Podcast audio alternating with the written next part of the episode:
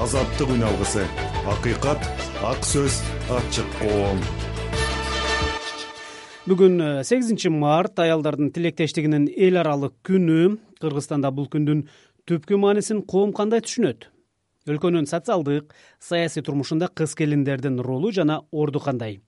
Алдыда ушул багыттагы сурамжылоого берилген жоопторду угалы жакында мектептердин балдары кыздары арасында баскетбол өттү да мен аларды адаттагыдай эле баягы сүрөткө тартып анан инстаграмга бир нече сүрөттөрдү чыгардым. Азамат алымкулов фотограф ош шаарынын тургуну. Бир маалда кыздардын машыктыруучусу мага телефон чалып бир кыздын сүрөтүн өчүрүп сал деп аябай өтүндү да.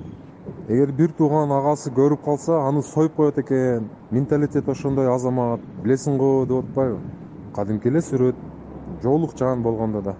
Топ менен эми ушул болобу эми деп өзүмчө кыйла таасирлендим да. Анан кээде дагы деле ойлонуп калам ушул кыз жөнүндөчү мектептен кийин дароо турмушка чыкса өзүңүз билесиз кандай турмуш. Билими жок толугу менен көз каранды. Анан эң ачуусу анча мынча азапты тегерегиндеги аялдардан дагы көрүп калышы мүмкүн да. Сонун үй бүлөлөр бар. Ата энелер балдарына айрыкча кыздарына билим берип дайыма колдоп чоңойткон бирок өтө аз да. Кыскасы кыргызстанда жашоо эркектер үчүн бир топ ыңгайлуу деп ойлойм. Кыргызстанда сегизинчи март майрамын көбүн эсе аял затына гүл же белек берүү деп түшүнүшөт. Бирок негизинен түпкүлүктүү мааниси аялдардын тең укуктуулугу ошол аялдар менен тилектештигин билдирүү күнү катары экенин көбү билбесе керек. Бакыт азимканов лондондо жашаган кыргызстандык кардано фондунун коммуникация директору. Ушул аялдардын тең укуктуулугун коргоо ошол тең укуктуу толук кандуу коомго умтулуу деген түпкүлүктүү маанилерин көбүн эсе элдер түшүнбөй баратат. Терең бир мындай өзүнүн тарыхын э, так билбесе дагы биздин э, жарандар. Бирок муну мен ойлойм баары эле э, бул күндүн маанисин туура түшүнүп атышат. Бул болсо тең укуктук үчүн күрөштүн негизинде пайда болгон майрам алтынай өмүрбекова мурдагы вице премьер министр анан эми клара цеткин менен роза люксембург айымдардын демилгеси менен э, белгиленип жатат. Бирок э, мындай тереңирээк карасак бул нью йорк шаарынан башталган десек болот да. Ошондуктан жетимиш бешинчи жылдан бери бүткүл улуттар уюмунун башкы ассамблеясынын э, буйругу менен дүйнө жүзүндө ушул эл аралык айымдар күнү деп белгиленет. Биздин мамлекетте бул күнү белгиленгенде аялдар бүгүн кандай маселе менен кандай чоң бир көйгөйлөр менен көйгөйлөрү пайда болуп атат ошол жөнүндө дагы биз дайыма айтабыз. Бүгүн бул болсо жөн эле саясий укуктар жөнүндө айтылбайт. Бул күнү ошол мамлекетте коомубузда болгон аялдарга карата мамиле жөнүндө кандай курч маселелер менен айымдарыбыз бүгүнкү күнү э, сталкивается? Ошол маселе боюнча көбүрөөк айтылат да. Мына аялдарды э, зордук зомбулоо маселеси үй бүлөлүк зордук зомбулоо маселеси кыздарыбызды ала качуу маселеси дагы деле бүгүнкү күнү мамлекетибизде курч турат. Акыркы жылдары фемицид деген маселе пайда болду вот анан э, төрөттөн каза болгон кыздарыбыз келиндерибиз жөнүндө айтылат.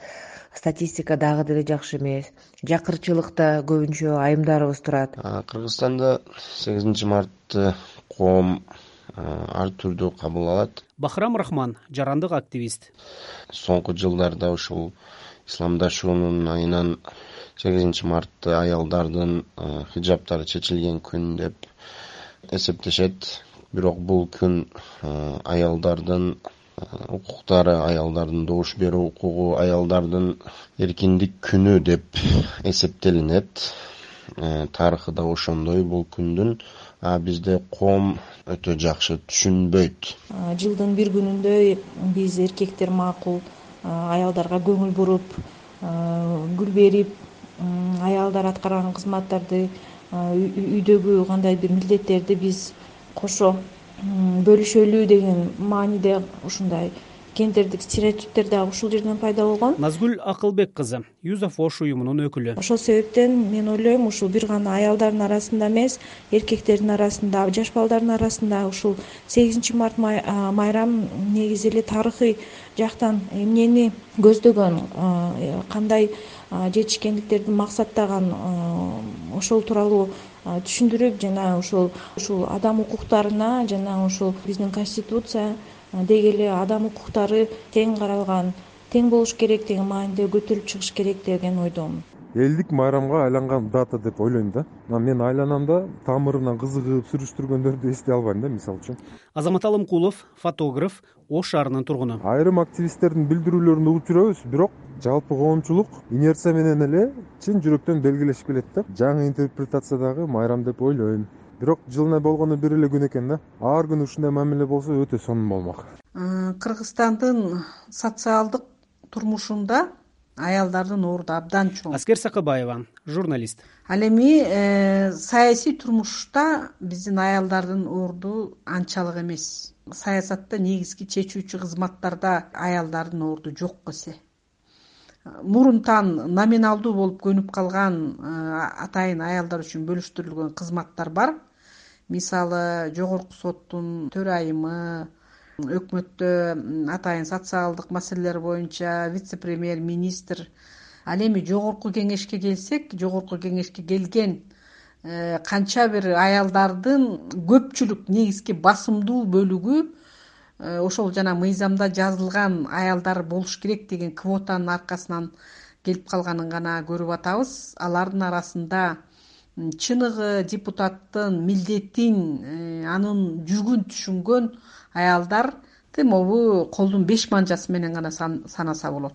Көбүнчө биздин аял саясатчыларга мына социалдык же гуманитардык позициялар берилет да а эмне үчүн аялдарга социалдык же гуманитардык позициялардан башка ролдор берилбейт же ошондой кызматтар берилбейт. Бакыт азимканов лондондо жашаган кыргызстандык кардано фондунун коммуникация директору. Алып карасаңыздар мына акш машыкка эң алгачкы адам болуп аял кишини жөнөтөбүз деп атышат. Эмне үчүн биз ошондой бийиктиктерге умтула албайбыз? Же эмне үчүн ошондой ойго да келбейт? Бахрам рахман жарандык активист. Аялдарды басмырлоо аял киши үйдө отуруш керек деген стереотиптер э, азырда жашап турат бизде. Назгүл акылбек кызы юзеф ош уюмунун өкүлү. Илимдүү аялдарга саясатка келүүгө жардам берсе ошондо гана биздин саясаттагы аялдардын орду дагы аябай күчөйт. Алтынай өмүрбекова мурдагы вице премьер министр мен ойлойм эч ким талашпайт. Мына токсонунчу жылдарды эле эске салып кетейин. Ким экономикабызды жана кризистен чыгарды. Албетте бул аялдар чыгарды. Клетка сумкасын көтөрүп алып э, чулнок болуп башка мамлекеттерден товар ташып э, дордойду түптөгөн микрокредиттик э, уюмдарды байыткан ошол эле банктарды байыткан ким? Бул аял ишкерлер. Ошондуктан аялдардын салымы экономикага өтө чоң бүгүн мамлекеттик программа айымдардын ишкерлигин колдоо мамлекеттик программасы жазылып жатат иштелип чыкты. Ошол үчүн мен ойлойм ушул учур менен пайдаланып э, суранып кетишим керек ушул программа канчалык тез кабыл алынса ошончолук э, жакшы ыңгайлуу шарттарды айым ишкерлерге биз түзүп беребиз. Сиз азаттык радиосунда сегизинчи март аялдардын тилектештигинин эл аралык күнүнө карата кыз келиндердин кыргыз коомундагы орду тууралуу сурамжылоону уктуңуз